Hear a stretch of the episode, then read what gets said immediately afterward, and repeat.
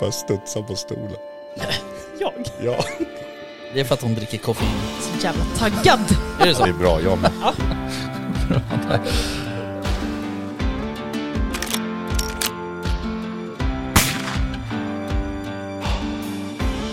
Var det lite mer liksom Sound of Music-vildsvin? Ja, men liksom, ja precis. Ja. Kosläpps liksom.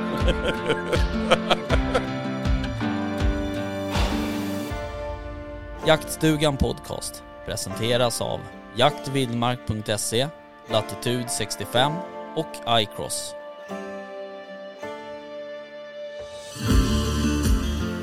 Det känns som att det var några veckor sedan jag liksom drog ner den här regeln. Ja. Jag var inte med förra veckan. Nej, men nu Liksom. får du dra ner den och upp den sen några Precis. gånger. Ja, kör på. Ja, jag kör på. Ja, men välkomna till Jaktstugan Podcast. Eh, Jag har ju, eh, jag har ju dig med mig Johan som är vikarie idag. Tack Rickard. Det är en ära. Ja, du är ju liksom nygammal i gamet kan man säga. Du har ju varit med Kämpat på många år. bakom mickarna. Ja. Men Och, eh, och äntligen får du komma till tals. kliva ut ur garderoben. Ja. ja, precis. Tack så mycket. Och du, glad alla hjärtans dag. Ja, tack. Just det, det var den lilla detaljen. Och så sitter man här. Visst är det bra? ja, ja. Nej men det, det är fint. Ehm, vi har ju ehm, två gäster också som, som också är, är nygamla, kan man säga. Säger man så? Nygamla? Ja. Ja, det är, Gammel nog, nya. det är ett par år sedan vi var ja, jag kollade upp det där faktiskt och det där är lite lustigt för att ni var ju här 14 februari 2020. Det är liksom exakt tre år sedan. Det är fan sjukt. Och sen så lyssnade jag på det avsnittet. Eh, och precis eh, idag som då så eh, var ju vi sena. För vi har ju avtalat en tid, men den bommade ju vi såklart tack vare mig då. då. Så att, eh, nej men hi- historien upprepar sig. Kan man säga. Det är ni Flexein. Ja, ja, precis. Eh, men vi har ju ehm, Olof Reinhammar, Precis. exakt, och eh, Anders Geijer. Ja, Ja, eh, båda ifrån eh, Svenska Bågjägarförbundet det är korrekt. fortfarande. Fortfarande. Ja. Nej, ni har slutat så jag vet inte. Nej, nej. Nej. Vi faktiskt. hänger i. vi Det hänger i, ja men det är bra. Hur går det för, för förbundet? Ökar det i medlemsavtal eller hur liksom? Det är, Ja. nog, det är nog ganska statiskt. Alltså. Vi Ja. har ungefär 300 medlemmar. Mm. Men vi ser ju att eh, jakt, intresset för pilbågsjakt, Ja. det ökar ju. Ja, Och särskilt med det som händer i omvärlden. mm. ja precis. Hur, eh, ja, ja exakt och sen nu, fan det slog mig nu, det kommer ju också så här när det blir blyhagelförbud och blyförbud och så vidare och så vidare. Då kanske också folk eh, börjar få upp ögonen mer och mer för Ja, kanske. För- det för är bågjakt. ingenting vi har sett än, men det är Nej. ganska nytt det där också. mm, Så. Ja precis. Nej men säkert. Mm. Ja, och sen det, det förbudet gäller väl egentligen bara våtmarker. Sen Mm. att mycket, mycket mark i Sverige är våtmark. Ja. Men då kan man ju också tycka att eh, myndigheten som eh, fattar beslut om det här borde vara proaktiva Ja. i frågan. Myndigheter är inte direkt kända för att vara proaktiva kanske. Eller? Nej, jag tror också att Tyvärr inte. Ja okej, Eh, nej vi får väl se vad som händer på den här fronten eh, med uh, bly, blyhagelförbudet. Jag, eh, jag läste ju faktiskt en ganska glädjande artikel här för någon dag sedan om 6,5, 55. Ja. För att jag har ju precis köpt den. Och då så, det gick väl ut på att det skulle ju då inte bli något förbud för den eh, 6,5. Det har varit lite prat om det ju. Att den inte skulle klara Ja, att den inte skulle klara klass 1 kraven då liksom. Nej, med alternativ ammunition då med kopparkulor. Mm. Ja. Men nu så verkar det som att det skulle inte bli någon förändring då. Så att, ja, man kommer väl, om jag har förstått rätt så kommer man eh, införa en eh, andra regler för kopparkulor då, Mm. eller, eller för icke-blykulor. mm, Och då sänker man viktkravet. just det. Så att Ja. 6,5 klarar sig. Mm, det är perfekt. Min, Äm. min fru har två. Ja. ja men det är bra. Ja men det är en trevlig kaliber alltså. Ja, jag har en. Ja du har en också. Ja. Köpt i somras. Ja just det. Ja, det, är, det är ju, ehm, jag var och sköt in den där eh, här för en dag sedan faktiskt. Um, jävla trevlig, måste jag säga. Jo, jag Så- tror det är en, det är en klassiker av en anledning. Ja, verkligen. Eh, så den där ska vi ha till lite vakjakt och smygjakt och lite sånt. Ehm, Okej, men hörni, ehm, vi har ju pratat här i, i uh, något, för något avsnitt sen, ett eller två, två var det väl kanske, eh, om den här eh, finska studien som kom eh, angående uh, pilbågsjakt.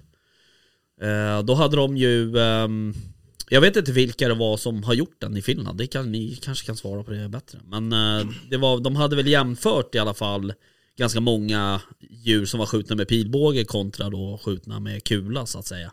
Ja. Och gjort en, Alltså den är väl initierad egentligen utav finska bågägarförbundet Okej. och görs på uppdrag utav finska miljöministeriet. Mm. Och, och det är en, en kvinnlig veterinär som, som tittar och har det här som en del i hennes doktorandarbete. jaha, Och målet var väl att det skulle minst fällas 100 hjortar med pil och 100 med kula. Och en del av bakgrunden till det här är väl att precis som i Sverige när man tittade och gjorde en litteraturstudie på, på pil och båge och jämfört med, med kulvapen då så det finns liksom inga publicerade studier. Nej. Det finns väldigt mycket studier om pilbågsjakt och, och skottverkan och eh, skadeskjutningsfrekvens och så vidare. Och det, det här är ju sånt som Bågjägarförbundet har redovisat till Naturvårdsverket. Och eh, den här studien då, man fällde väl, man har fällt, man jagar bara vitsvanshjort i Finland. Och Finland är ju ett av de få länder i världen som har vitsvanshjort utanför Nordamerika. jaha, Och det var, varför har de vitsvanshjort? Jo, det var för att det var finska emigranter som skickade hem hjortar någon gång på 30-talet. jaha, så det är ingen så här klassisk kungagåva som alla andra vilt är? Nej, nej, utan Nej, det okej. här var nog emigranter bort ifrån Minnesota. Om, jag, jag killgissar, jag tror Ja, att det var Minnesota. Ja, Det var mycket finnar som flyttade dit upp som skogshuggare. Då. Så det, och det sägs att, att det kanske var, Olof du får nästan hjälpa mig här, var det fem eller sex hjortar totalt va, på tal om genetisk... Men det var ju eh, två svängar. Jag kommer inte ihåg. Jag läste det för ett par år sedan. Men det tyvärr alltså. Jag. Alltså de, man- man fick tre, fyra hjortar som, som klarade sig första svängen och andra svängen som kom då. Och då åkte de ju med båt över Ja. Atlanten. Men om det kanske är sju totalt som överlevde någonting. Alltså det är ingenting. Är det ursprungs liksom populationen Ja. så att säga? Ja. Men hur ser populationen ut nu då i Finland? Man fäller väl närmare 50 000 hjortar. Så mycket? Ja. Jaha, jag, det här har jag också kollat upp.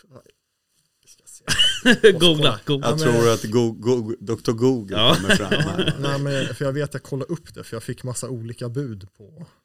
Jag tror det var någon av de här YouTube-kanalerna som hade pratat om det här nyligen, för en Okej. vecka sedan tror jag.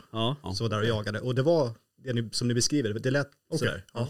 Ja, det exploderar och de, de, det intressanta med vitsvanshjort är att de är ganska lika våra rådjur. Ja, De får två, tre kalvar. okej. Så det är inte som doven som bara får Nej. en. Utan, och, och sen sprider de sig, precis som rådjur då. Så Okej. de vandrar långa sträckor. De har inga problem att sprida sig heller. Jag tänker på dovhjorten och så. Har ju Nej, lite, nej de är inte lite, alls. Alltså, nej. De är mycket mer effektiva Okej. på det sättet. Så det är mer som rådjur. Och, och sen är de ju faktiskt större i kroppen än, än dovhjort. Jaha. Så en riktigt stor eh, vitsvanshjort kanske väger 150-160 kilo. Åh fan. Och det är få dovhjortar som kommer upp i den vikten. Ja. Okej. Så, eh, och då, ja, Ja. vi, Tillbaks till vi studien. styr, styr tillbaka oss där till studien. Så då har man eh, tränat upp ett antal jägare och ta prover då i samband med att man fäller de här hjortarna. Och det är både kulvapenjägare och bågjägare då. Så, så man har mätt flyktsträckor, eh, skottavstånd, det är en hel, ett helt ark man ska fylla i det. Och jag tror att det fanns möjlighet att fylla i det där digitalt också. Men den stora grejen är att man tar blodprov också. Okej. På plats då? Ja, Alltså, på plats. okej. Alltså. Och då initialt skulle man mäta någonting som heter kortisol som är ett stresshormon då, som utsöndras när, när man blir stressad. Och då var tanken att man skulle mäta de här kulskjutet mot Ja, ja. pilskjutet. Då.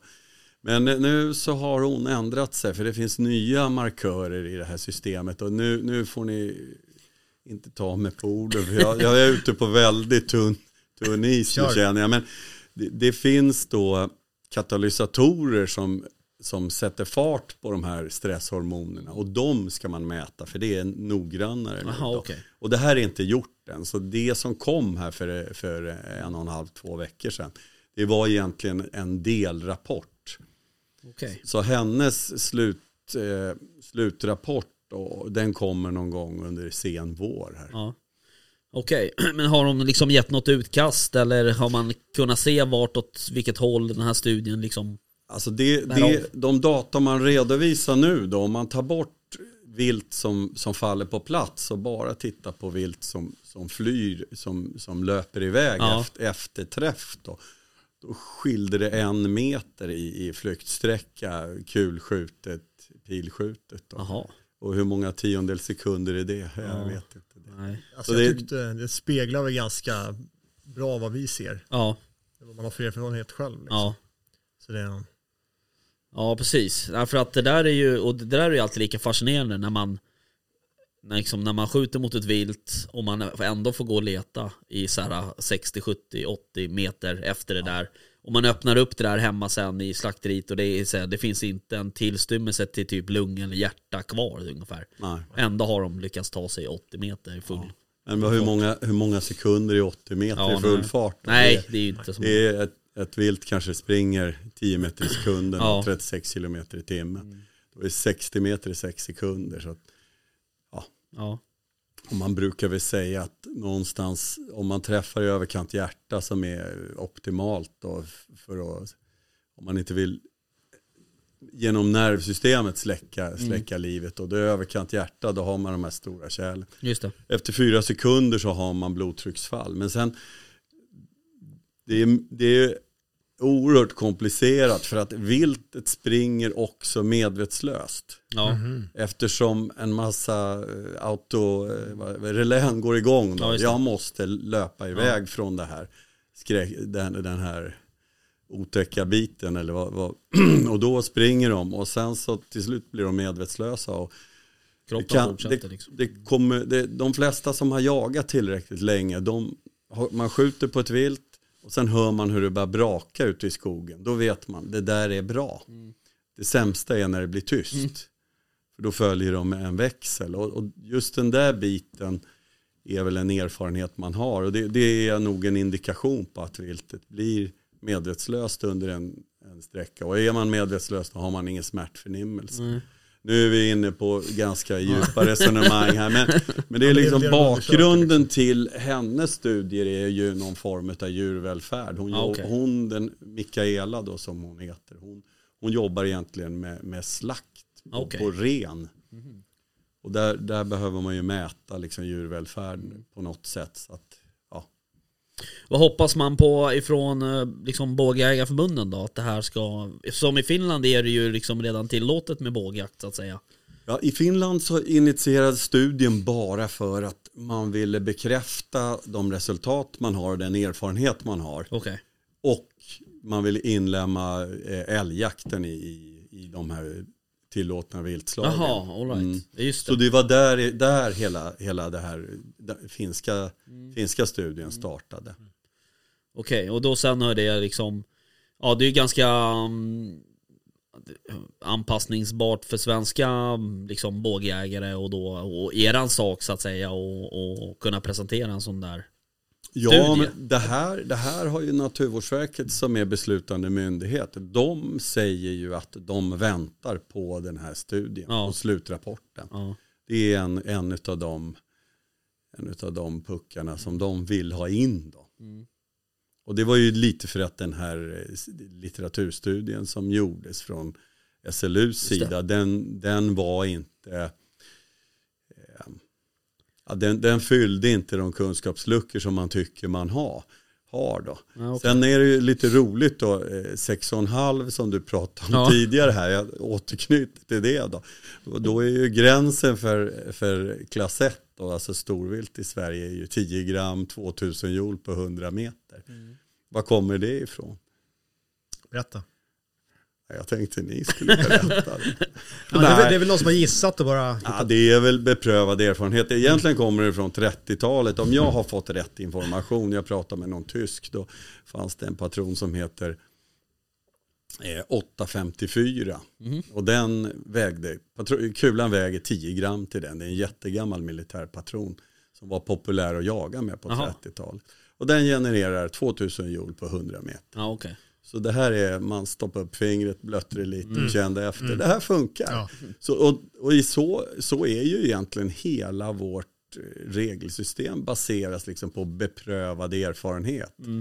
Och de här 60 000 år som vi har då med, med en pil, det räknas inte. Nej, nej, Nej, men Nej. det funkar bra liksom.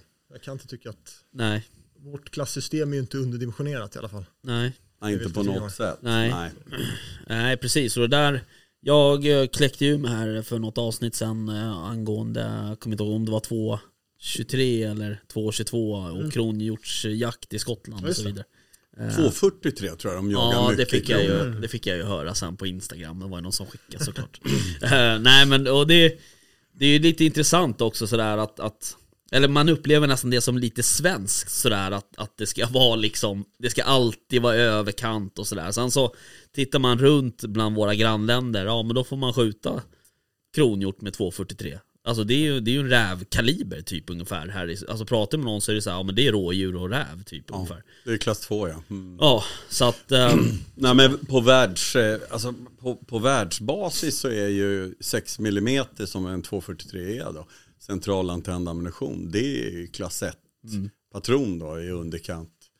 Så, så, så är det ju i Skottland används det ju oerhört mycket. ja, jag, jag, jag var ju för många, många år sedan var jag i, eh, på Nya Zeeland och jagade. Mm. Fantastiskt jakt, jaktland.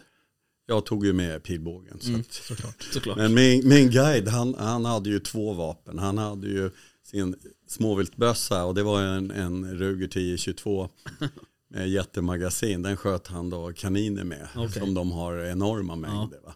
Och sen hade han en storviltbössa. Och det var hans 222 Remington. Ja.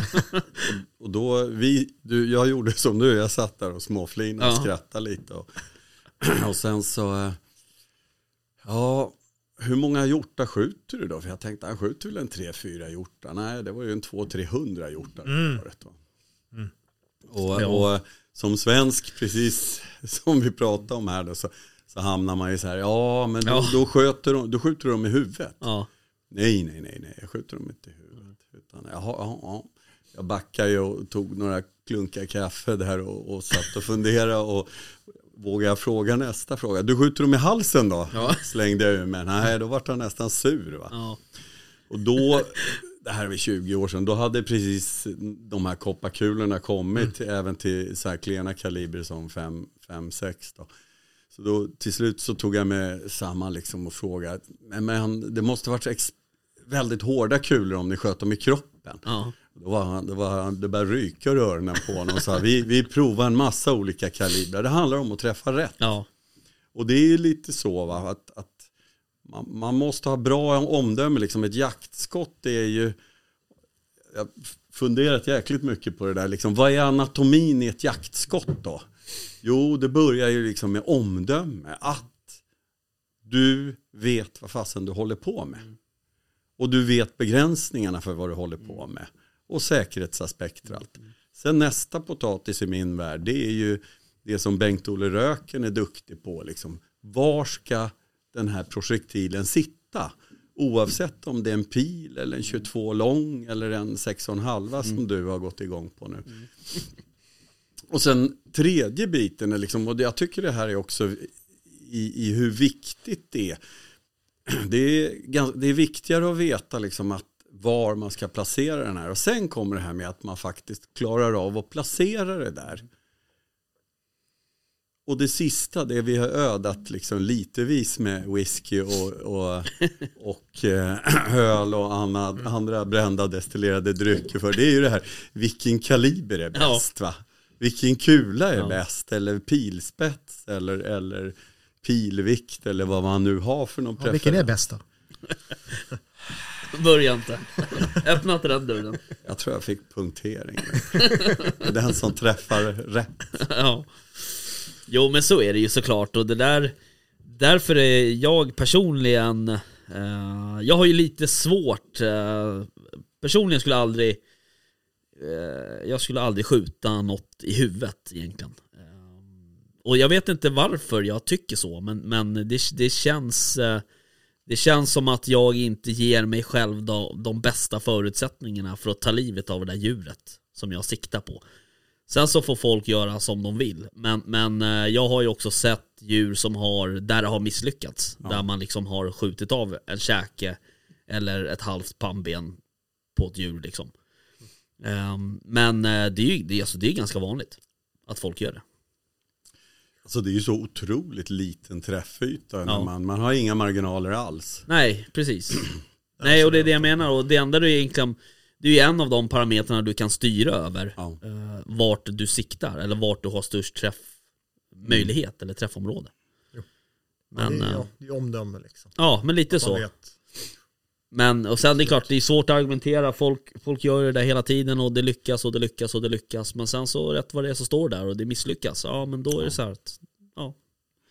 Då har du ju liksom inte följt dina egna regler på något Nej. sätt. Eller då har du liksom inte Men eh, nej det där är ju, det där är ju svårt alltså. Men, eh, och just det där med att ha Liksom veta sina egna begränsningar, det är ju Det vet ju inte folk Generellt sett skulle jag påstå Ja men det är alltså det Ja. är mänskligheten i nötskal vet ju inte det liksom Vi, vi har ganska intressant, jag jagar nere i Nyköping med, med ett gäng jäkligt bra killar och eh, varje, varje uppställning på morgonen då är det ju nya gäster och sådär. Och då, då berättas det så här att vi, vi har, eh, det ena är att om det är välmarinerat och det skjuts, då löser gästen det här viltet.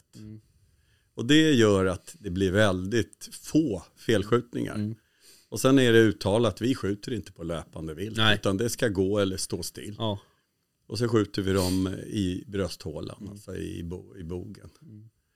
Och det, det är liksom hanterbart. Men eh, det, det man på skoj nere i Sörmland kallar Östermalma 5 va, det ansätts ju lite snett bakifrån Ja. i stora steken. Och kulan ska gärna kana längs med åtminstone ena delen utav, utav sadeln Ja. och sen ska den ta bogen på utsk utskottssidan. Då löser man ut det för jag tror vi har 50 kronor kilot passad vikt eller något sånt. Och det är en broms liksom just för sådana här konstiga. Vi har ing, huvudskott och halsskott är helt totalt ja, borta. För det, det är som du säger också, vi jobbar ju lite, Olof och jag jobbar ju lite med eftersök. Mm. Och just de här som är skjutna mot huvud eller hals och när det inte går bra, det, det går så riktigt dåligt. Ja. Det är hopplöst att lösa. Svårt, att- svårt att lösa. ja. Ja men så är det. Jag tror det där med ert system där med att man löser ut det själv. det- är egentligen den största. Alltså så här, folk vill ju generellt inte göra eller skjuta ett dåligt skott. tycker Nej. jag. Alltså de flesta jägare är ju väldigt. Eh, det är klart, det finns alltid rötägg liksom. Men de flesta vill ju göra rätt. Jag tror skjuta ett Ja. bra skott. Ja, det, även de som överskattar sin kapacitet. Mm. jo precis. Men, men en annan sån här fundering som jag har, är, det inte så att de här filmbanorna gör att folk överskattar sin kapacitet? Eller är det bara jag som gammal gubbe som tycker det? Ja, eh, jag vet Eller faktiskt skjut inte. biograf heter Ja, det på rätt precis. sätt. Ja, just det. Filmbana, vad var det för någonting? Jag tror det beror på Nu får jag alltså. Instagram. eh, Ja, ja exakt, nu kommer någon höra av sig till dig Nej men jag, jag vet inte, jag, jag, eh, jag tycker att de där skjutbiograferna eh, De är nog ganska bra. Men det gäller ju att se på det på rätt sätt. Alltså det är en, en, eh, en hundraprocentig övningssituation. Eh, du kan egentligen inte applicera det på någon form av verklighet. Ehm, för att i verkligheten så är det hundra andra faktorer som spelar in. Med passgrannar, hundförare, vind, liksom whatever, väder, är det fruset i backen, alltså så att det, det är ju massa grejer som spelar in då liksom, men men det är klart att det är ju det är ett bra ställe att lära känna sitt vapen till exempel och så, men ja. Sen är det ju kul, det är väl det som är den stora vinsten tror Men jag. jag tror också man får titta på det som ett verktyg Ja. för att bli bättre. Man kan inte titta som att Nej, det, jag tror inte man ska säga så här: wow, nu, nu klippte jag fem vildsvin här på raken. Eh, det, sen nu taggar jag ner. Vad heter Till- han? Prinsen? Ja, exakt. Albert. Nu bokar jag en Albert. jaktresa Ja. till Tyskland liksom. Ja. Riktigt så är- ska man ju inte kanske. Men jag är lite löjlig där. Jag brukar säga så här att eh, det är inte jägarmässigt va? Så att man liksom är tydlig med det. Att Ja. nu skjuter jag på allt som rör sig. Ja. Jo men lite så, det är, väl, det är väl just i det forumet man ska liksom Ja men du vet, ta ut sina svängar lite Ja. på något sätt och, Jo, men det, där kan man ju träna. Ja precis, exakt Eller prova. Ja exakt För det är väl något sånt där uttryck som jag hatar på jakt. Va? Jag provade men Ja. eh, då brukar hornen börja växa. Ja, jag testar lite Ja. Ja, ja okej Jaha, men hörni, tillbaka till, eh, till bågjakten. Ja exakt Huvudfåran. Vad tänkte på, um, um, hur ser, um, hur ser um, um, vad heter det, bågjägarintresset ut i Finland? Är det större i Finland än i Sverige eller hur? Du har sån jäkla tur så jag är ju ordförande i något som heter Europeiska bågjägarförbundet. Ja. Så jag har en siffra till dig. Ja, kanon. 20 000 räknar man jaga med pilbåge i Finland då. Det är ändå Och- ganska mycket. Ja, det, och då, hur många är jägare i Finland? Är det 300, 200 000 tror jag? Ja. Alltså nu den är, vi får nästan googla det. Ja, det, var, det var exakt de- de siffrorna skulle jag vilja säga. Men, eh, och, och danskarna har ungefär 6 000 som Ja. jagar med pilbåge. Eller som har en licens då, ett tillstånd. I Finland är det enkelt. För där gör man jägarexamen. Och sen gör man ett skjutprov. Ja. Och det där skjutprovet gör man var tredje år. Och det gäller både kula. Skjuter man med kula gäller det, då gäller kulvapnet i tre år. Och skjuter man med pilbågen då gäller pilbågen i tre år som jaktmedel då för hjortvilt. Okej. I Danmark så gör man, om man gör den danska, danska utbildningen då, specialutbildningen för pilbågsjägare, då skjuter man vart femte år ett prov. Okej. Men det är, fort, det är fortfarande en separat uh, jägarexamen eller? I Finland är det inte det. Nej okej. I Danmark är det det. Och i Sverige är det det. Alltså den vi erbjuder i Sverige via Bågjägarförbundet, den heter interna- internationell bågjägarexamen. Ja okej. Och det, det är ju en utbildning som den fungerar på en del ställen i världen då, bland annat en del amerikanska stater och kanadensiska provinser. Plus på Åland måste du ha den för att få jaga. Jaha. Okej. Ja, ja, det ser man. Eh, Men eh, apropå Danmark då. eh, ni pratade tidigare om någon eh, annan, en dansk studie som Ja, hade, just det. som hade kommit eller som skulle komma eller? Ja, det. Del två kom nu bara för någon månad sedan. Ja, Och då har man, man har eh, kunnat jaga sika, dov och kronhjort med pilbåge under en fyraårsperiod. Och det har utv- utvärderats då på något som heter Århus eh, eh, universitet. Eh, och den slutrapporten kom för någon månad sedan och där visar man också att det är liksom fullt, fullt fungerande. Och då har man nått i Danmark som heter Viltförvaltningsrådet. Som är en, råd, en rådgörande konstellation med jägare sitter där, fiskare, alltså Okej. ly, lystfiskare som är Ja. fritidsfiskare. Det finns jordbrukare, skogsmänniskor, djurrättsrörelsen. Eh, Naturskyddsföreningen sitter med i det där. Och de fattade ett beslut bara för en och en halv vecka sedan om att man rekommenderar ministern att fortsätta eh, jakt på de här större hjortvilten. Då. Så det, det som är skjutet är egentligen kron och eh, dovhjort med pilbåge. Eller med pil. Okej. Men första delen i studien då, vad gick den ut på? Nej, det var bara man samlade in en massa data Ja, okej. egentligen då. Och, och sen gjorde man någon delrapport och sen slutrapporten kom här nu. Mm. För i Danmark har man, där har man väl fått jaga med pilbåge tidigare? Ja. under ganska lång Ja, det, tid? det en, ja, i Finland har man, har man ju alltid kunnat jaga med pilbåge. Jaha. På något sätt. Man har aldrig förbjudit. Nej, I Sverige förbjöds det 1938. ja. Jag tror jag brukar skoja. och Så du hann det med var att jaga några år innan det förbjöds? Olof, ska vi gå nu? Han skrattade. Gjorde han det? Ja. Ja. Vi får köra hem Olof sen. Ja, ja, precis. Han får gå hem.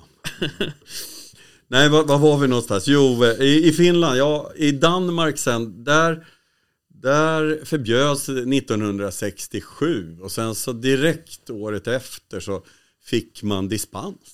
Och sen hade man dispens till eh, eh, 1999. Sen hade man en, en femårig försöksperiod på rådjur.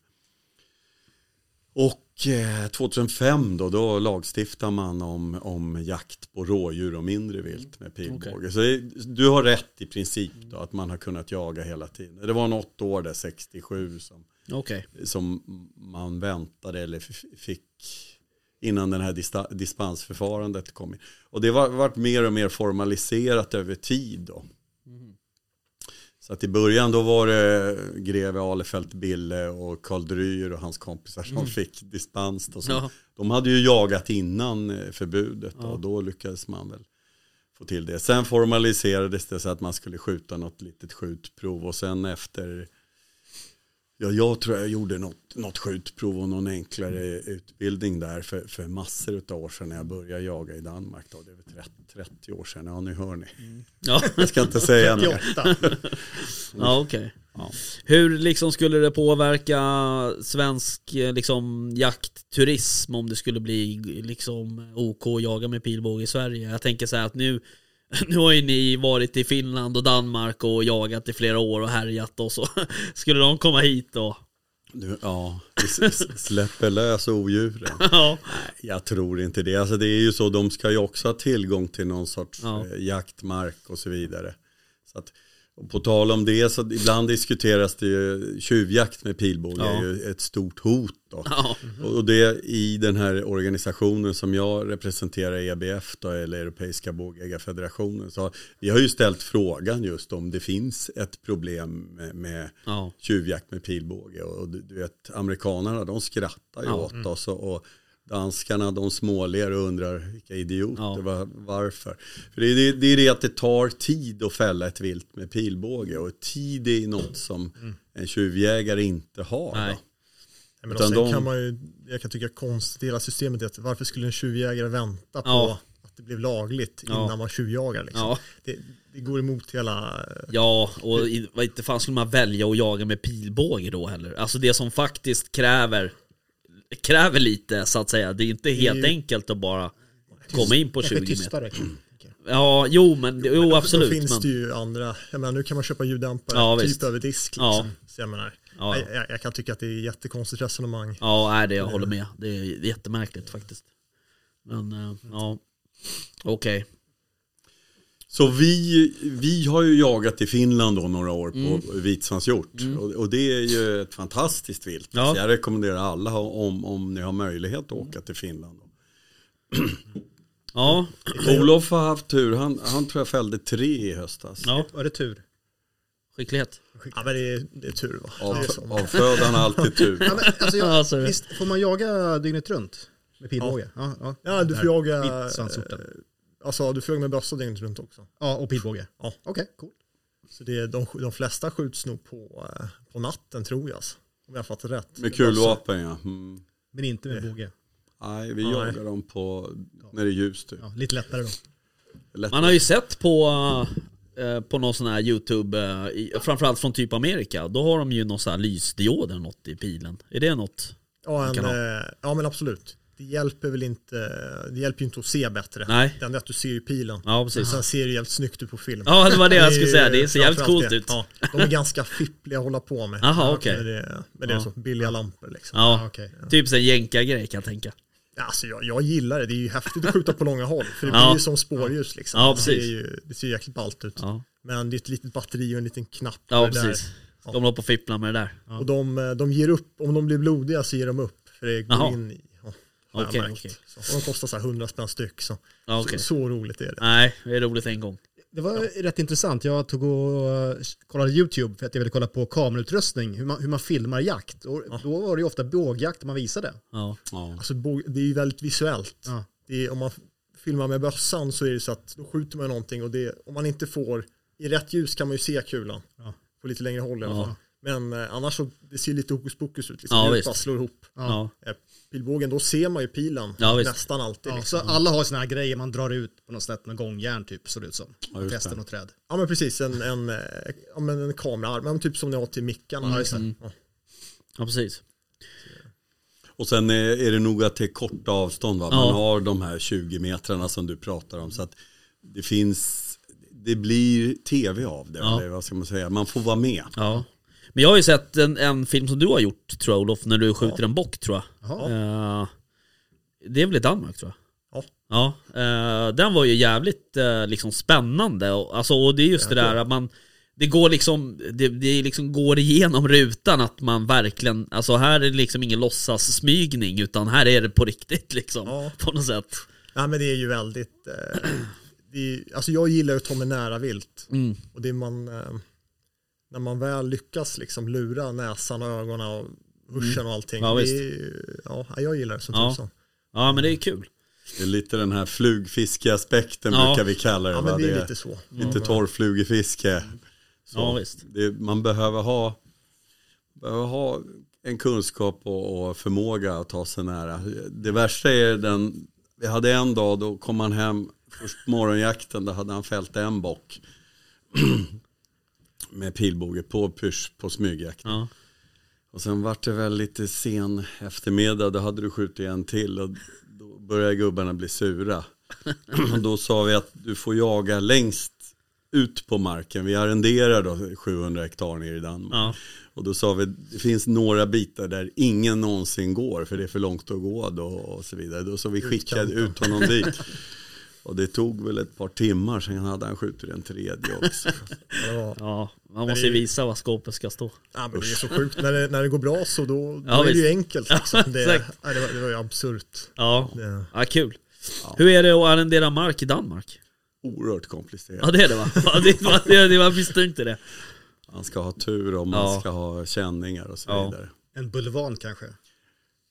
Ja, det kanske var så det började. Ja. Okej. En bulvan. Ja, det är ju, det, det, I Dan, Danmark, alltså dansk jakt, är ju, om man tittar på det relativt svensk jakt, alltså det finns inte så mycket mark, inte så mycket Nej. jaktmark. Okej. Sen är det väl mer skog än vad man har liksom som svensk någon idé om. Man tror bara att det är öppna Ja. fält och så. Men det här är ju hälften skog och hälften är åker då. Okej. Och sen har de ju tätare rådjursstammar än vad vi har. Så Jaha. man kanske har dubbelt så mycket rådjur per, per 100 hektar som vi har. oh, det är mycket rådjur. Och de verkar ha fina, liksom, fin kvalitet på rådjursstammen också om man ser till bockar och sådär eller? Alltså jag kan säga att eh, Inte? Nej, Ah, de Det är kanske bara det man får se. Det är för mycket rådjur tror jag. Ja, okej. alltså, det, det diskuteras ju fram och tillbaka i Danmark. Ja. Varför? Men de är ju mycket mindre än vad våra rådjur. Jaha. Alltså i storlek och vikt. Okej. Ja, men jag tror jag, jag har mätt lite bockar, jag vet inte hur jag, om jag har koll på poäng. Mm. Jag skjuter en bock som var, den måste ju vara 5-6 år i alla fall. Och den mätte kanske 70 poäng. Så det, och det är liksom en sexa. Det ser Ja. ut som miniatyrbockar liksom. Så jag tror, men jag tror också att det är maten som stor Ja, del. och så kan parasittryck, alltså de har ju någon sån här svalgbromsar då som, som eh, stör dem. De kanske, Jaha. och det är varmare klimat så Ja, de kanske har mer parasit, högre parassittryck då. Ja så kan det vara. Det är, ja, om ni, eh, det är riktigt äckligt alltså de här äckliga maskarna. Man, eh, ja, i svalget på dem, det är så stora fluglarver. Jaha. Jäkla äckliga grejer. Så man hör ju rådjuren gå liksom och harklar sig. För att de har den här skiten i. Perfekt för bågjägare, nu kommer den. Ja, men alltså det är inget skämt. Jag sköt en bock, eh, jag undrar inte den första bocken jag sköt. Stod i så här högt gräs som var lika högt som mig typ. Så hör jag hur någonting harklar. Ja. En liten glugg liksom. Så, att, så den där harklingen kom ju närmare. Så jag, det är bara att dra bågen och vara beredd. Och sen, ja, jag visste ju inte vad det var för djur. Nej. Så klev det ut en bock liksom. Det var perfekt på 17 meter någonting. Så hade han inte harklat då hade jag aldrig, fan. aldrig fått det. Men det är ingenting som förstör kött och så vidare eller? Det är något de dör av? Nej, det, jag gissar att det lär ju vara lite ansträngt för dem. Liksom. Man- Det sätter nog ner statusen på dem alltså. Ja. Det gör det säkert. Men får och det får ju också det. Så. Okej. Ja. Men då man behandlar ju eh, tamdjuren med Ivomec eller Ja, någonting just det. så Ja, blir man av med det. Va? Men det, det får man inte göra i Danmark. Nej, okej. Och vilda ju. Nej. Det kanske är bra det. Ja, jo. Man kanske inte ska börja medicinera i vilt på det sättet. Nej, kanske blir lite konstigt. Ja. Jag får väldigt stora troféer. Ja, exakt. Ja, precis. Jaha, men om man skulle vilja liksom eh, börja ägna sig åt bågjakt, eh, hur ska man eh, göra då i Sverige så att säga? Om vi utgår från att man är svenskfödd. Alltså det, det första tycker jag är att skaffa vanlig jägarexamen så man har liksom grund. Mm. Måste man inte ha det? Ja, det är lite olika på olika ställen i världen. Alltså det, det är så. Men, men eh, Sydafrika kan du till exempel åka och jaga utan någon som helst. Ja. Men man kan gå Utbildning. kursen hos er? Ja, vi, sen Bågjägarförbundet håller ju IBP, den här Ja. bågjägarutbildningen. Ja. Men vi vill att du ska ha Ja, jägarexamen precis. innan så att vi inte sitter där och ska Nej. börja reda ut Nej. vad skillnaden mellan en dovhjort och en Nej, kronhjort. precis. Eh, Men, men eh, och sen skaffa sig en pilbåge och, och öva. Det som är trevligt med pilbåge det är ju det att har man en vettig tomt och grannen är inte alltför eh, argsint så, Ja. så kan man ju faktiskt stå och öva i löndom så att Ja, säga.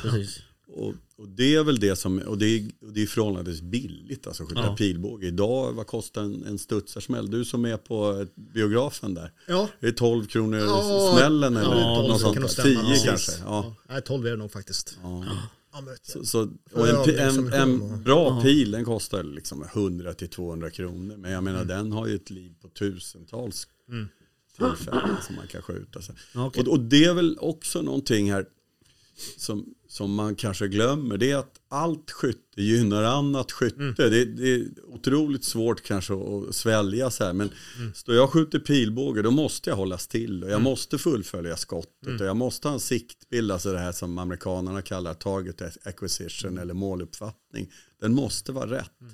Och den, han som sitter bredvid där, stackaren Olof, han började ju skjuta pilbåge när han var två, tre år. Och, och vi brukar skjuta, det kan jag rekommendera förresten om man får göra reklam. HJK nere på, i Västerhaninge, de har en kuljaktstig varje år i september. Som är fantastisk. Olof har ju spöat Europamästaren där med, med, med några gånger med, med kula.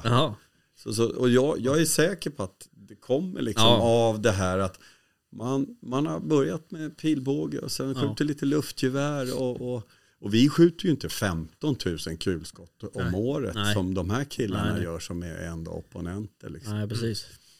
Nej, men så är det ju. Det, det handlar väl också om så här. Alltså du vet kroppshållning och sådär. Det spelar kanske ingen roll vad du håller i. Alltså om du håller i en bössa eller om du håller i en pilbåge. Det är liksom lite samma typ av rörelse ändå så att säga. Ja, jag tror det och de som kan skjuta pistol eller gevär, alltså, de tar ju till sig pilbåge är oerhört enkelt. Det är faktiskt kul att se. Vi skjuter ju, vi kan ju vara på mässor och skjuta med folk som Ja. är helt gröna liksom. Ja. Och då, vissa personer, där ser det liksom lite så att den här personen måste ha skjutit tidigare. Ja, liksom. okej. Det ser lite för, det går lite för bra. Ja. Och då är det oftast gamla pistolskyttar. Mm, just det. Eller, och det, alltså det är ju någonting med just pistol och jag vet inte varför. Men det, är, ja, det, det bara passar ihop på något vis. Skumt. Ja men det måste ju vara något sånt. Alltså att man, ja men kroppshållning liksom, eller kropps, ehm, liksom kontakt eller ja, men för, något någonting är är det. det ju. Jag försökte komma igång med en vanlig recurve-båge. Ja. Och kollade massa YouTube-klipp. Och jag tänker att det är som golf egentligen. Alltså du får göra fel. Men bara gör du samma fel varje gång. Precis. Konsekvent. Och men det är väl, allt skytte är väl egentligen så att, att det handlar om att upprepa sig, att göra precis likadant. Och när man väl gör det så, så kan man göra fel, bara Ja. man gör lika fel varje Ja. gång. Ja men Så- precis som man skulle uppe där och kolla i mungipan med det fingret eller upp i näs. Ja det var, Ja. spelade ingen roll egentligen. Borde man gjort det likadant varje gång. Men eh, vi pratade om skjutbiografer tidigare. Det finns inget sånt eh, liksom anpassat för pilbåge. Jo då. finns, men jag vet inte om det finns i Sverige. Nej, jag tror inte det finns i Sverige. Jag Nej. vet att det finns i Tyskland. Okej. Det är någon video, jag, egentligen startade det nog där. Alltså, Ja. Långt innan, innan det fanns för kula. För kula då ska du ha ett fantastiskt kulfång. Vi kan Ja. ju sätta på en sån här trubbspets Ja längst fram och bara ha ett nät bakom. Just det. Och så, så gjorde man i början vet Okej. jag. Jag var, jag är i USA på några sådana här mässor och tittade Ja. och då, då hade man sådana här Okej. skjutbiografer med Ja. pilbåge. Då. Men de är oftast smalare, det är inte lika Nej. brett så som det är på de här skjutbiograferna. Nej precis. har. Där är man ju också ute efter att det ska springa så att säga. Det är inte Ja, kanske. just det. Det kommer, eh, alltså, när jakten går igenom så är det säkert någon som det är inte omöjligt att någon tar upp det där. Nej, nej. Det, Nej, precis. Och det, det skulle ju vara intressant att se vad som händer. Nu vet jag inte eh, hur det ser ut bland jaktbutikerna och så vidare. Eh, Det är väl inte supermånga som säljer, alltså eh, typ Jaktia eller vad fan de allt heter liksom. Eh, Som säljer liksom kanske dugliga pilbågs eh, tillbehör. Men det ska bli intressant att se om det är så att det blir en godkänd jakt, vilket liksom uppsving det kommer bli. Eh, för jag kan tänka mig att det är en ganska, det är nog ganska köpstark, uh, köpstarka, en köpstark grupp pilbågsjägare. Ja, Jägare är väl inte så känsliga va? Alltså, Nej, jag tror inte det. Ja, det finns ju studier i USA på det här Ja, du pratar om. Ja, Och då säger man att en bågjägare i, i Nordamerika, 4,5 miljoner ungefär jagar med pilbåge. Man fäller 1,6 miljoner vitsvanshjortar varje, varje år. Det fungerar inte i Sverige. Nej. Det var bara en sån här passus. Men, men, men de spenderar ungefär tre gånger mer pengar på sin jaktform än, än eh, kulvapenjägare. Ja. Men det har också med deras struktur Ja, på jakten. Alltså du, du kanske kan jaga tre månader med pilbåge. ja, Och sen har du 10 dagar eller 14 dagar med kul, kulvapen. just det. Men sen, titta på flugfiskare relativt. eh, Ja, Ja, Alltså jag, jag tror också att det har, det har väl lite med intresset skulle jag tro. Alltså. ja, Eh, Golf är ju säkert, eh, eller, vad du ja, ja det var Johan menar, som ja, pratade om ja. golf. det kan ju, jag tror, ja, det är väl också helt extremt. Ja, med- nej men det tror jag också. ja. Men du är en blaser då?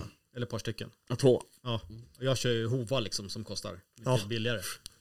Så att det, det finns ju likadant, det är överallt. Men du vet varför vi älskar golfare?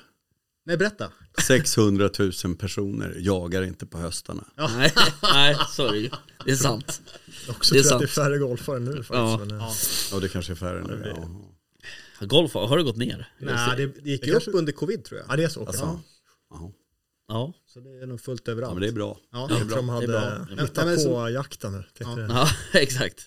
Ja, men Nej. jag, jag känner när jag tittade på bågar, då hamnar man på något ställe i Gamla stan. Någon snubbe som skulle hjälpa till med allting. Och då bara, nej det vart det komplicerat.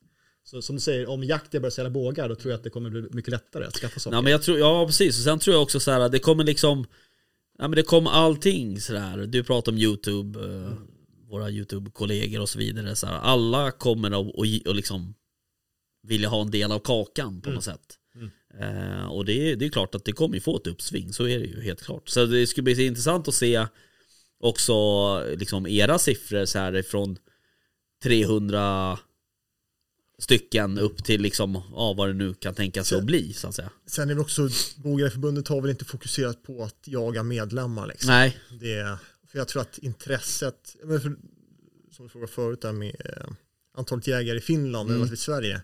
Så är det så att jag tror inte intresset i Sverige, alltså det kan vi inte riktigt mäta. nej, Men det finns ju väldigt många som har en jaktpilbåge hemma liksom, Ja. som, inte, som inte vill ta den här, det här steget att åka utomlands. Det Nej. är ändå en ganska stor ja visst puckel liksom, Ja. om man inte har, känner någon. Ja eller, precis ja, Större nu då. Liksom. Ja, Med dieseln på Ja. 24-25 kronor. Ja, men Exakt. precis, men om man inte, Jo, har, det. en, om man inte har någon kontakt Nej. i utlandet så då är även, alltså, till och med Åland som är Ja, väldigt visst. nära är ju tufft att ta sig dit och jaga. Ja.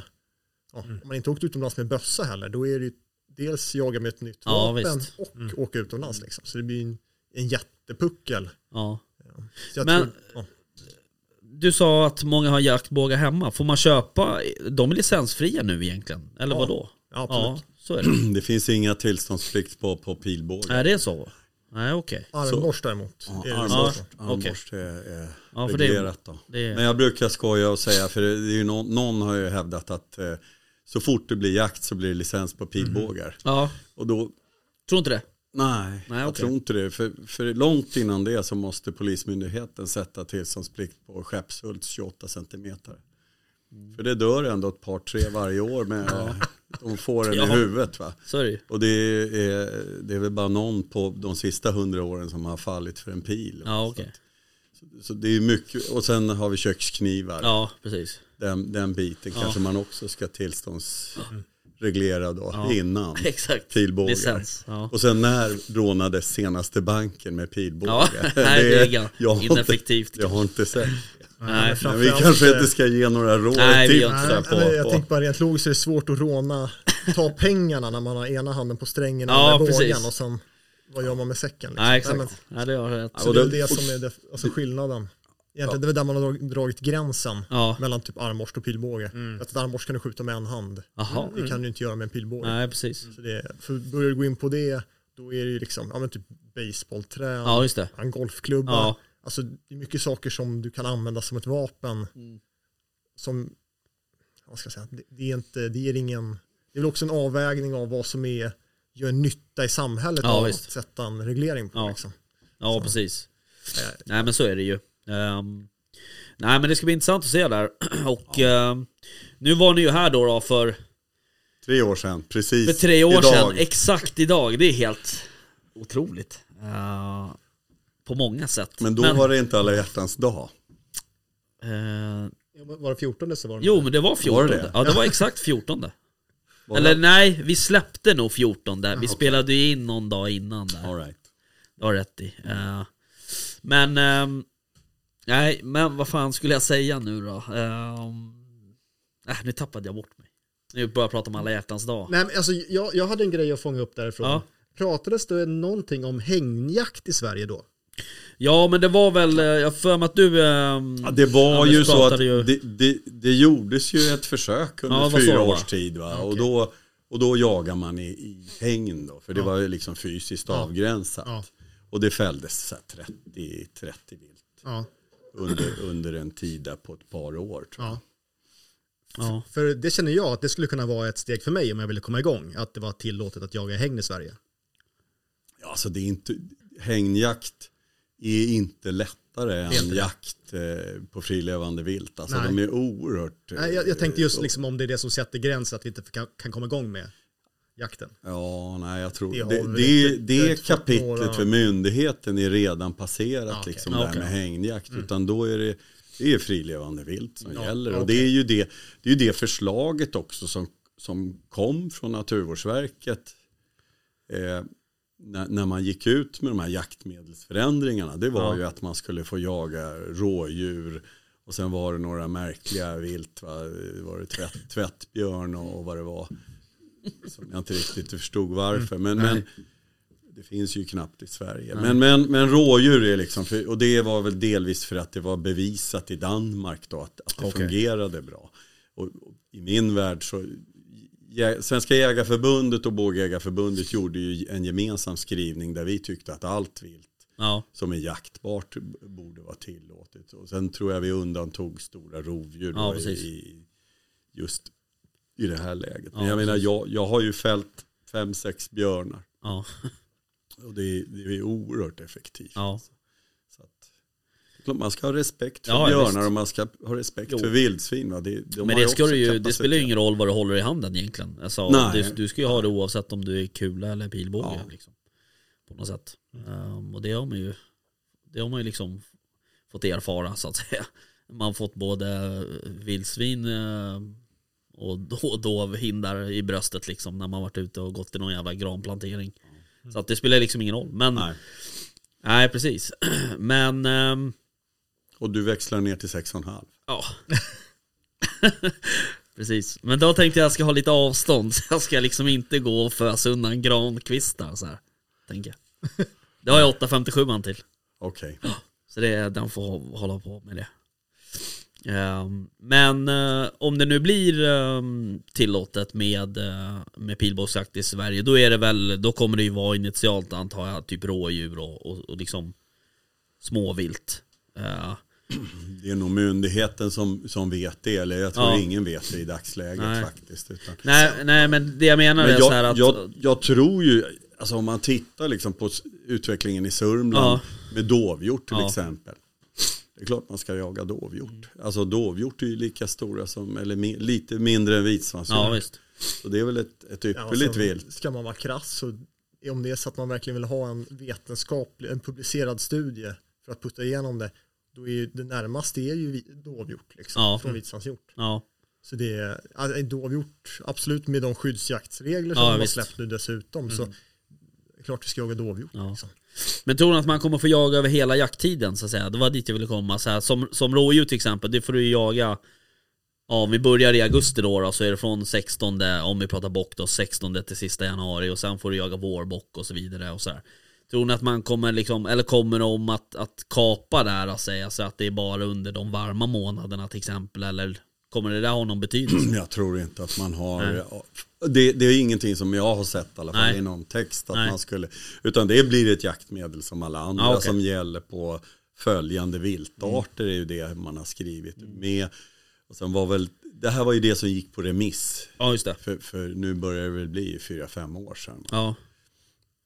Ja precis, för det var väl nog därför jag tror att vi hade med er från första, i Ja, första, för att då pratade vi om det. Ja. Eh, nu kommer jag inte ihåg vad vi sa då, för då, då jag ställde ju frågan då så här, när tror ni att det är att vi får jaga med pilbåge i Sverige?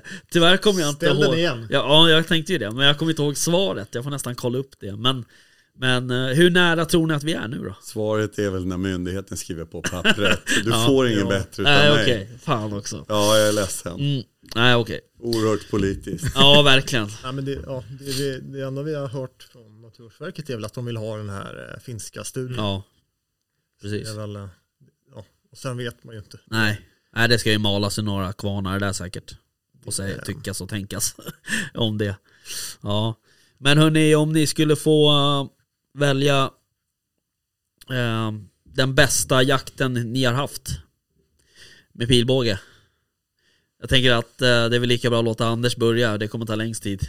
Totalt sett eller? Ja, Jag har jättelätt svar, det är nästa jakt. Ja, ja okej, ja just det, du är så diplomatisk på något sätt. Ja, nej men jag tänkte det, ja den bästa jakten ni har haft liksom så att säga. Jag vet ju att du Anders har ju, och du också Olof säkert, har ju jagat över stora delar av klotet.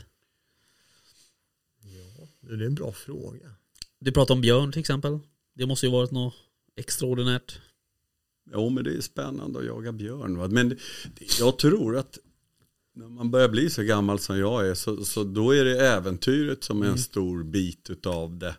Att få uppleva något annat. Jag var på Grönland och jagade myskoxe för det är väl tio år sedan. Och det är en helt fantastisk Ja. upplevelse. Det är, jaktligt så är det inte så komplicerat att fälla en myskoxe. Det, Nej. det är, man kan inte gå upp till dem, man får smy- smyga lite. Men, men det fanns mycket myskoxar och så.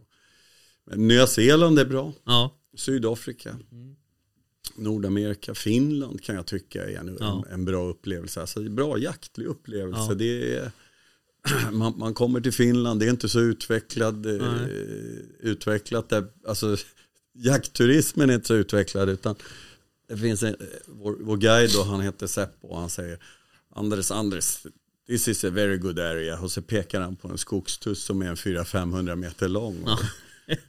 Om man åker till Nordamerika då har de redan satt upp ett Ja. antal stegar. Det är färdigt och Ja. klart. Du kan sitta i den stegen eller den stegen. Men här är det, this is a good area. ja det är lite större kan man säga. Ja, Ja. Nej men det är ju också sådär ehm, Just Finland också det, det är ju heller inte som ni pratar om vitsvanshjort Det är ju inte speciellt långt bort att få jaga ett helt nytt vilt ja. Som kanske de flesta jägarna kanske inte ens har sett i verkligheten Nej. ens. Eh, Så att det är klart, det är ju det är ett bra tips såklart Ehm, Ja, Det, och det är lite, eh, alltså om, om det är någonting som strular med resan liksom, så åker man till USA, ja, man är ju långt hemifrån. ja liksom. Finland är ju nära ändå. Ja. Liksom. Det, ja, Ja, men exakt. absolut. Det är, ju- jag har väl bara, bra erfarenheter från Finland. Ja, Det är ju väldigt lik, jaktkulturen är väldigt lik Ja. vår jaktkultur. Eh, ja. ja kul Ja. Jaha, hörni, det börjar närma sig Timmen Ah, redan? Ja, jag vet. Vi skulle ju prata om din valp och Ja, men precis. hur, Alltså, gick, hur mår han? alltså, han mår rätt bra just Ja. nu. Ja, ja men jag, jag tänkte på det här med... med Nu ska han lämna valpspåret direkt. nej, jag kommer Det, tillbaka går, till det. det går inte så bra. Nej. Nej men alltså, man börjar ju träna sin valp ganska tidigt, man är ju rätt ambitiös. Så är det ju. Och då tänker jag, som när jag tar mina kvällspromenader, jag kommer ta en ikväll, och då går man där och jag brukar köra med pannlampa. Ofta ser man ju rådjur i ögonen på dem. Så då brukar jag ju gå runt så här och testa se när får han vittring av dem. Eh, och det gör ju att man kommer ganska nära. Ja. Eh, och sen då min erfarenhet säger att rådjuren när de ligger, tar en lega på kvällen, så ligger de ofta på höjder. Och valpen får ingen vittring från dem. Antagligen för att de ligger ner och så ligger de på en höjd. Så vittringen går troligtvis över oss. Det är min gissning bara så här, en iakttagelse. Så att jag, jag, jag tränar lite grann och lär mig på det sättet. Ganska kul faktiskt. Ja, precis. Men eh, vad skulle jag säga, hur... eh, Alltså hur reagerar han då? Eh, när han väl väl får vittringen Ja. så, och sen så går vi fram till legan, då, då är det ju Då är det, då, då är det, då är det kört. då, då är det kört. Vad är det för, ja precis, vad är det för hund? En vaktel. Ah, ja. Ja. Ja, ska vi prata om vaktel? Rickard, Nej. Eller? Ja, du Nej. förstår, jag förstår reaktionen i alla fall på hunden. Det- Ja, ja, okej. Ja, vad bra. Ja, men det, det, det är ju rätt kul och det är alltid kul då som en eh, hundägare och blivande hundförare förhoppningsvis då, då att, att få se att hur hunden reagerar på, på det vilt man är ute efter. Ja. Sen så gillar jag klart fåglar och koltrastar och hägrar och Ja, fasaner älskar han. Eh, Så att eh, det, jag vet. Och det är sånt i livet. Men vi har haft Mm. nära kontakt med vildsvin en gång. Eh, Det var kul, första, första han gör det kastar sig åt andra hållet då. då. Sen så, men så knatade vi efter dem och då hittade vi legan de låg då när vi gick förbi. Tog han upp spåret på och sen, jag går med han i koppel såklart då. Och sen så, ja men följer efter dem lite eh, och bara tittade. Så det är jättekul att se liksom att det finns potential. Sen hoppas jag Ja. klart att eh, få ett bra tips från Rickard. Han har ju lite mer erfarenhet än vad jag har. Ja, vacklar. Exakt. Inte av vacklar men, eh, menar, Nej men det är klart, och jag, jag sa ju till dig tidigt, eller när jag fick eh, veta att du hade köpt den Eftersom du köpte den bakom min rygg, eh, inte fråga mig eh, Men eh, hur som haver så, så Jag sa ju det att vi, det ska bli jävligt kul att jaga in den där ja. Ehm, För det är alltid roligt att, att hjälpa till att jaga in hundar Ja, ja men det, det kan vi känna också. Liksom. Det är många som, som Rickard, nu tar jag inte Rickard som ett exempel, många säger ja men kom igen, vi kan spåra ihop nu och sådär. Och sen så när man frågar så här, ja men ska vi spåra ihop nu i helgen? Nej, jag har inte tid. Eh, så att, eh, Nej men det är, det är kul Ja. Och jag menar, ja, du får ju använda mina marker Ja. Om du vill det ja, jag är beredd att få alla tips och man, ja, en lång resa. Det där tycker jag är intressant hur man, ja, med, med, med jakt liksom, hur det ändå, vad ska jag säga, själva samarbetet eller man har med, för att inte med den bästa jakten, mycket är socialt Ja, med visst. jakt liksom, hur, hur vissa, även om att, för vet jag någon som är bågjakt att det är väldigt, att det är ensamjakt liksom. Ja, När man åker man iväg ett gäng, det är ju, man åker ju som ett lag liksom. Ja, om, om kompisen skjuter, Ja. man är ju inte riktigt lika glad. Nej. Man, Nej, men säger, nästan. man, man berättar ju Ja. absolut inte om det, men, eh, nej, men det är ju jättekul Ja. när, man, Ja. när kompisen skjuter. Liksom. Ja men det är så, alltså, Rickard vet ju inte om det, men han är ju min mentor fast inte han vet om det. Eh, Otroligt. och med- bland mina bästa jakter, det var när vi åkte upp och du släppte din stötande hund då. då. Jag stod som passkytt och du gick som hundförare. Det var bara vi två. Och jag var ganska rookie. Och för mig var det kalaskul, man sitter i bilen, man snackar och bara lär sig. Och, Ja men det är ju det som är roligt eh, också. Och sen, alltså det som är kul också sådär att Uh, och det är alltid roligt, alltså det är det jag menar, det är alltid kul när man liksom får en, en uh, av sina vänner som, som köper sin första hund. Det är ändå fan, det är ändå rätt stort liksom. Uh, så det är, det är ju skitkul att vara med liksom på det där och, och ja men sådär bolla lite och man, man är ju aldrig liksom perfekt själv eller vad fan jag har ju två egna hundar och de där vill man ju strypa 25 gånger på en säsong liksom så att man vet ju att man har gjort fel någon gång liksom men ehm, Sen är det väl att man också får dela med sig av någon kompetens. Det, alltså jakt tar ju aldrig slut. Nej. Alltså man lär sig alltid någonting. Det, det är, om man bara är tillräckligt intresserad. Va? Och det är kanske därför jag gillar det här med pilbågeriet. Ja, Just att det, du pratar lite om var dina rådjur ligger och sådär. Och det är ju så här, de, de hatar vind. Va? Så att, och, och, och försöka hitta ett rådjur när det blåser ute på, lo, på loartsidan, det är omöjligt.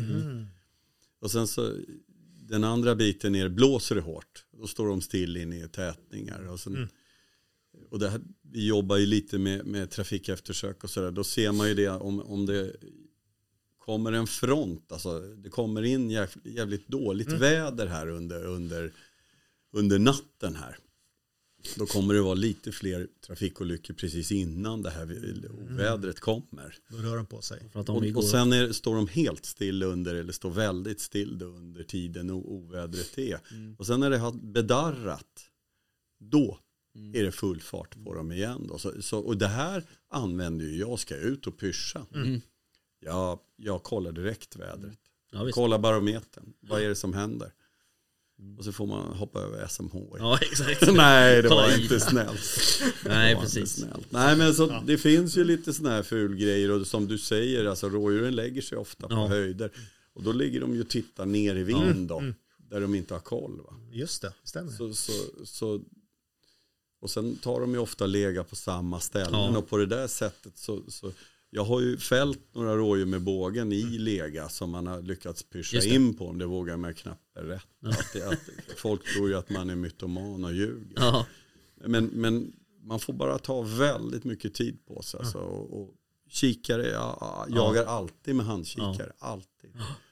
Och så får man titta och titta och titta. Till slut ser man det där örat som rör sig. Och sen är vinden rätt och ja, allting är med. Då, då kan man tassa in då till de här 15-20 metrarna. Man, Det är också tycker jag, en kul, grej att oftast pratar man med folk som, hur, hur kommer man så nära? ja, Det är så att har man studsan liksom, man Ja. smyger ju inte in på 20 meter Nej. med studsan, man skjuter ju i första läget. Ja, liksom.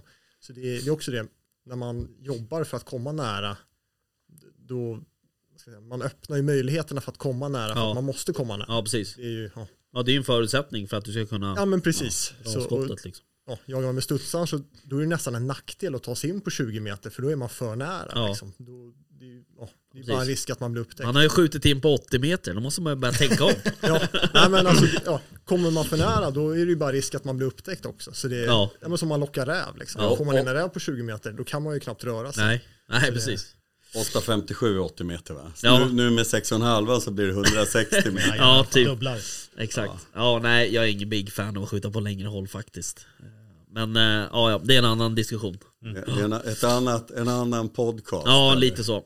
Ehm, jag måste också bara lyfta, när vi pratar om hundar. Eh, jag gick ju mitt första drevprov här med min tax i, Nummer två. Tvåan. ja, nej, ja, hund nummer två. Första taxen är det ju. Renrasiga i alla fall. Eh, I december och eh, jag fick eh, protokollet här från Dawson. Och eh, då slutade det med 49 poäng. Utav Utav, 50. nej, 52. 56. Ja, Det är i alla fall högt. ja okej. Kanon. Ehm, för att vara första gången. Mm. Så vart ju drevprovsetta då på rådjur. Och med 49 egenskapspoäng då. Mm. Så det var bra. Så det var kul. Grattis. Så uh, uppfödaren vart ju lycklig. Var Det han är som värt mycket. Ja men lite så. Eh, så att eh, jag har ju aldrig liksom egentligen hållit på med, med provverksamhet. Så att eh, jag vet väl inte så mycket. Men han var ju glad så att det var väl något bra i Mm. alla fall. Du kan säga att du har första pris. Ja, Ja. det gör det Ja, definitivt. det, det låter ju helt bra. Ja men så är det kul. Ja, ja häftigt. Jaha, hörni, ehm, tack för idag då. Ja, Eh, och jag tänker väl att vi ska inte låta det gå tre år till nästa gång eh, ni kommer förbi. Det är du som bjuder. Ja, jag vet, jag vet. Precis, förhoppningsvis kortare tid och sen nästa gång så har vi jakt. Ja, jag hoppas det. Eh, ja, det vore extremt roligt faktiskt. Och eh, eh, jag har ju skickat till dig där några gånger Olof, att man är sugen på att dra ihop något liksom och testa. Och det vore kul att... Och, jag har liksom aldrig skjutit egentligen någon riktig jaktbåge sådär under kontrollerade former om man ska uttrycka mig på det sättet. Ehm, så det vore kul att testa på riktigt. Ja men absolut. Um, Kolla på. men ja, alright. Kul. Var vi klara? Alltså, du, ja, jag, hur känns det för dig? Din Alltså- första liksom... Ja, men alltså, jag har ju förberett här så att jag, Ja. alltså, egentligen har jag bara gått Du är så igenom. ambitiös. Nej, men vi pratade om det där, vad vi, om vi hade jagat på sistone skulle vi prata om. Ja. Det har vi inte gjort. Nej. Ehm, alltså jag har lite grejer kvar egentligen, men, men, eh, eh, vi tar det nästa gång. Ska du vara med nästa vecka Ja, igen? det låter som det. Ja, okej. Ja, ja. Det, det frågan är väl egentligen, får han komma tillbaka? ja men jag, vi får väl ta en omröstning tänker jag. Inom gruppen. Kör på Instagram en sån här. eh, Ja, det tycker jag. Instagram. Ja. ja, vad vågar man det ens? Ja, nej, jag vet inte. Kanon. Det kommer per automatik nu tror jag. Ja, precis. Jaha, hörni, Ja, tack men för vi idag. tackar, ja, Ja. trevligt. Tack för att vi fick komma. Ja, så lite. Ja. Vi hörs. Hej. Hej. Jaktstugan Podcast presenteras av jaktvildmark.se, Latitude 65 och iCross.